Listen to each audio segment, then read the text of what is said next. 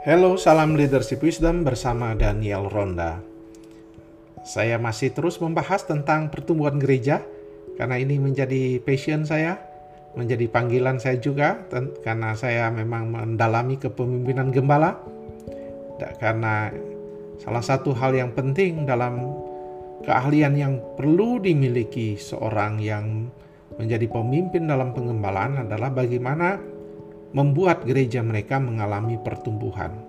Dan itu saya uh, tekankan terus dan uh, kali ini saya menekankannya kembali.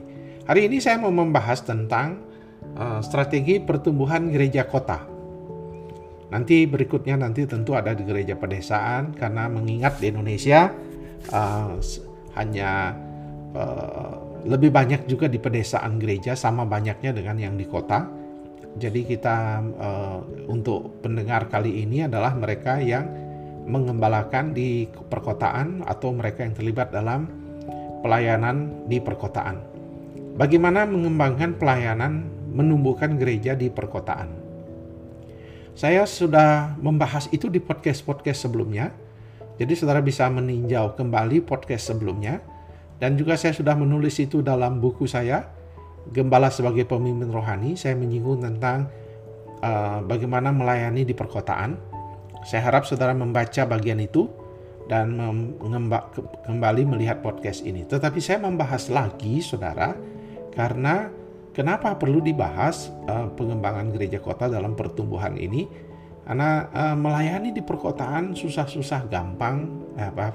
Ya artinya uh, bisa jadi potensinya besar, banyak jemaat yang berpindah dari desa ke kota, tetapi tidak mudah mempertahankan pelayanan di gereja kota karena begitu banyak persaingan, begitu banyak tantangan, eh, baik pergumulan jemaat maupun juga tadi yang seperti yang saya katakan persaingan dalam gereja untuk menarik jemaat-jemaat karena memang ketika tiba di perkotaan sudah tidak ada lagi eh, batas-batas denominasi semua orang berhak datang ke tempat di mana dia sukai dan ini menjadi tantangan tersendiri bagi gereja perkotaan.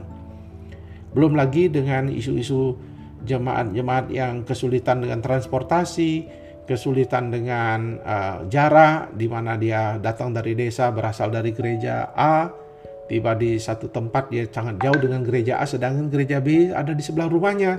Jadi itu juga menjadi tantangan tersendiri di dalam pelayanan gereja kota dan begitu banyak kompleksitas yang ada di gereja perkotaan. Tetapi setelah saudara uh, membaca buku saya dan juga memperhatikan podcast sebelumnya, maka saya akan membahas sedikit tentang bagaimana strategi pengembangan gereja kota uh, dalam uh, pengamatan saya yang perlu mendapat perhatian supaya gereja kita mengalami pertumbuhan. Jadi strategi yang dibahas di sini bagaimana supaya saudara dan saya ketika kita bicara pelayanan di perkotaan mengalami pertumbuhan. Yang pertama, kami menemukan fakta pentingnya saudara memperhatikan uh, gaya penyembahan dan format penyembahan. Dan bila harus diubah, silahkan diubah, tetapi perlu memperhatikan uh, gaya perubahan perubahan terhadap gaya penyembahan kita atau format penyembahan kita. Ini masalah terbesar gereja-gereja yang datang dari desa seperti gereja kami yang kemudian datang ke perkotaan, format ibadahnya tidak diubah disesuaikan dengan kebutuhan masyarakat perkotaan. Sehingga apa yang terjadi? Ibadah kita menjadi sama dengan apa yang terjadi di pedesaan. Di pedesaan kita tidak dikejar oleh waktu. Waktu adalah sesuatu yang bersifat sosial, uh, tidak uh, suatu yang mengikat, tetapi uh, sesuatu yang bersifat fleksibel. Uh, jadi kita bisa kebaktian jam mulai bilang jam 7, kita tiba jam 7 masih duduk-duduk cerita-cerita dulu sampai jam 8 mungkin baru mulai karena memang itu sesuatu yang biasa di pedesaan. Nah, di perkotaan kita sangat concern kepada waktu. Sehingga ibadah harus memperhatikan waktu, terutama waktu ibadah misalnya satu jam seperempat atau satu jam setengah. itu harus berani saudara-saudara rubah kalau saudara mau di perkotaan. Begitu pula dengan format uh, ibadah, saudara harus mencoba menerima masukan-masukan uh, bagaimana saudara mengembangkan tidak harus harus kontemporer, harus pakai band, tetapi apa pun yang saudara lakukan harus formatnya jelas ya. Formatnya itu Eh, bagus ditata sedemikian rupa sehingga setiap orang yang naik mimbar adalah orang-orang yang sudah siap dan dipersiapkan. Sekalipun itu membawa pengumuman. Karena dia harus betul-betul siap dan berapa durasi waktunya. Dan juga melatih orang memimpin doa syafaat pun harus dilatih begitu rupa sehingga dia mem dapat membahas semua pokok-pokok doa dengan baik tetapi dengan cara yang lebih ringkas dan seterusnya. Jadi penting sekali memperhatikan uh, ibadah kita, worship service kita atau ibadah uh, gaya ibadah kita, bentuk ibadah kita perlu mendapat perhatian. Yang kedua, pentingnya saudara membangun koneksi dengan komunitas di sekitar gereja. Nah, ini penting sekali Eh, saudara-saudara, ketika saudara menjadi pemimpin di perkotaan, saudara harus mulai uh, melihat uh, peta dan melihat perumahan-perumahan, melihat tempat-tempat di mana gereja saudara berada. Dan saudara harus punya koneksi. Jangan sampai saudara tidak ada koneksi gereja itu dengan uh, bukan hanya orang-orang yang bukan Kristen, tetapi saudara juga melihat ada peluang-peluang bagi orang yang mungkin tidak bergereja. Jadi saudara harus keliling melihat komunitas saudara, ada koneksi di sekitar komunitas. Yang ketiga yang perlu diperhatikan adalah bagaimana saudara perlu mengubah bentuk gedung gereja kalau memang tidak tidak apa namanya tidak sudah terlanjur terbentuk, tetapi saudara misalnya sekarang kalau ingin membangun, usahakan tidak membangun seperti uh, katedral atau gedung-gedung seperti Eropa, tetapi lebih kepada fungsio, fungsional hall atau gedung serbaguna. Sehingga bentuk gedung gereja kita bukan lagi berbentuk gaya keeropaan abad ke 13, 14, 15, tetapi gereja yang fungsi serbaguna, di mana nanti gereja itu akan bisa digunakan untuk pemuridan, pelayanan lain, sekolah minggu, dan juga mungkin kursus kursus yang ada, ada kursus musik, ada kursus apa, atau dimanfaatkan oleh anak-anak untuk belajar sore hari dia mungkin koneksi internetnya lemah di rumah, tidak punya paket data, dia datang ke gereja untuk belajar di masa pandemi ini terjadi.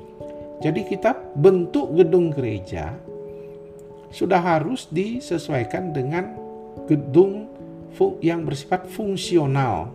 Karena kita tahu secara teologis gereja bukanlah gedungnya tetapi gereja adalah kita orangnya. Nah, ini perlu dipikirkan kembali bentuk gedung gereja kita yang bentuk ibadah kita, bentuk aulanya seperti apa sehingga uh, nampak ada kehangatan, keakraban dan tidak menampakkan uh, gedung-gedung abad ke-15 itu. Kemudian uh, yang berikutnya yang keempat adalah bagaimana kehadiran gereja itu kelihatan di dalam komunitas.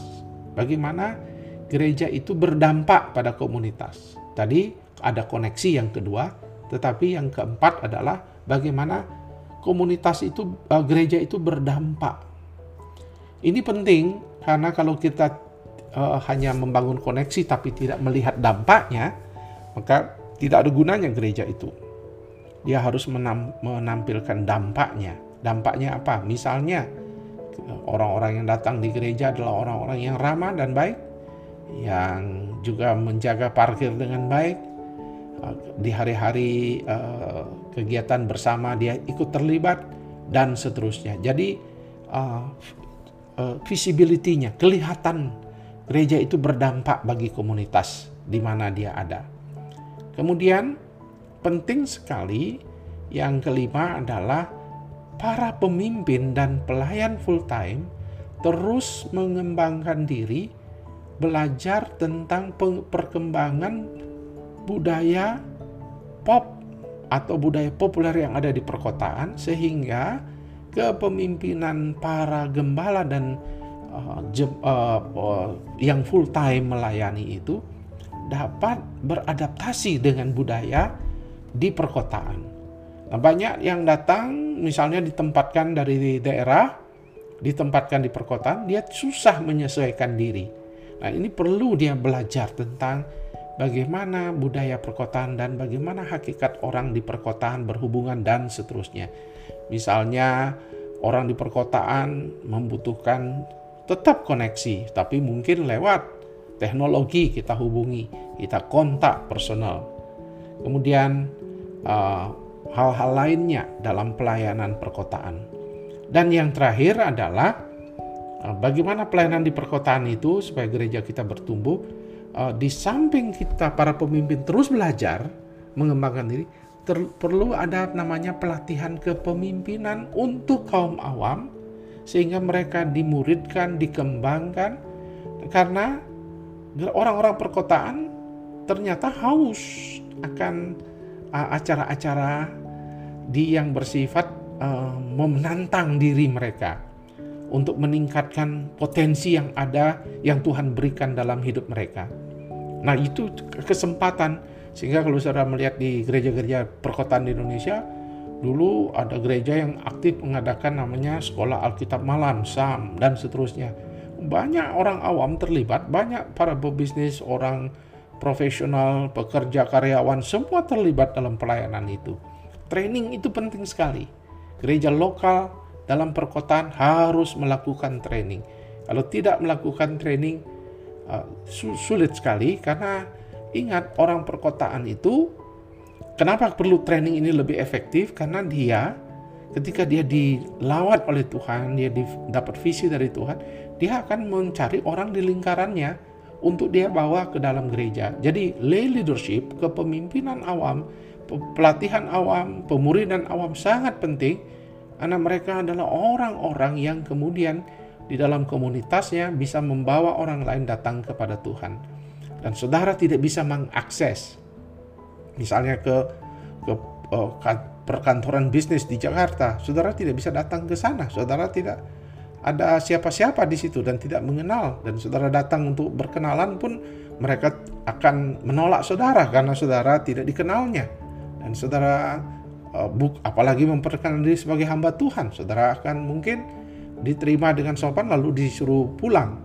Tetapi jika saudara melatih kaum awam, orang-orang awam itu yang bekerja mungkin di pusat-pusat bisnis itu, mereka yang digerakkan Tuhan akan mendoakan temannya, akan melayani temannya, dan akan akhirnya membawa orang itu kepada Tuhan, dan akhirnya membawa mereka ke gereja. Jadi, pelatihan kaum awam itu sangat penting sekali bagi gereja perkotaan. Dan ini gereja pedesaan tentu juga penting, tetapi maksud saya gereja perkotaan lebih penting lagi, lebih urgen lagi. Jadi kalau kita orang yang ditaruh di perkotaan, maka e, gembala itu wajib memiliki keterampilan ini.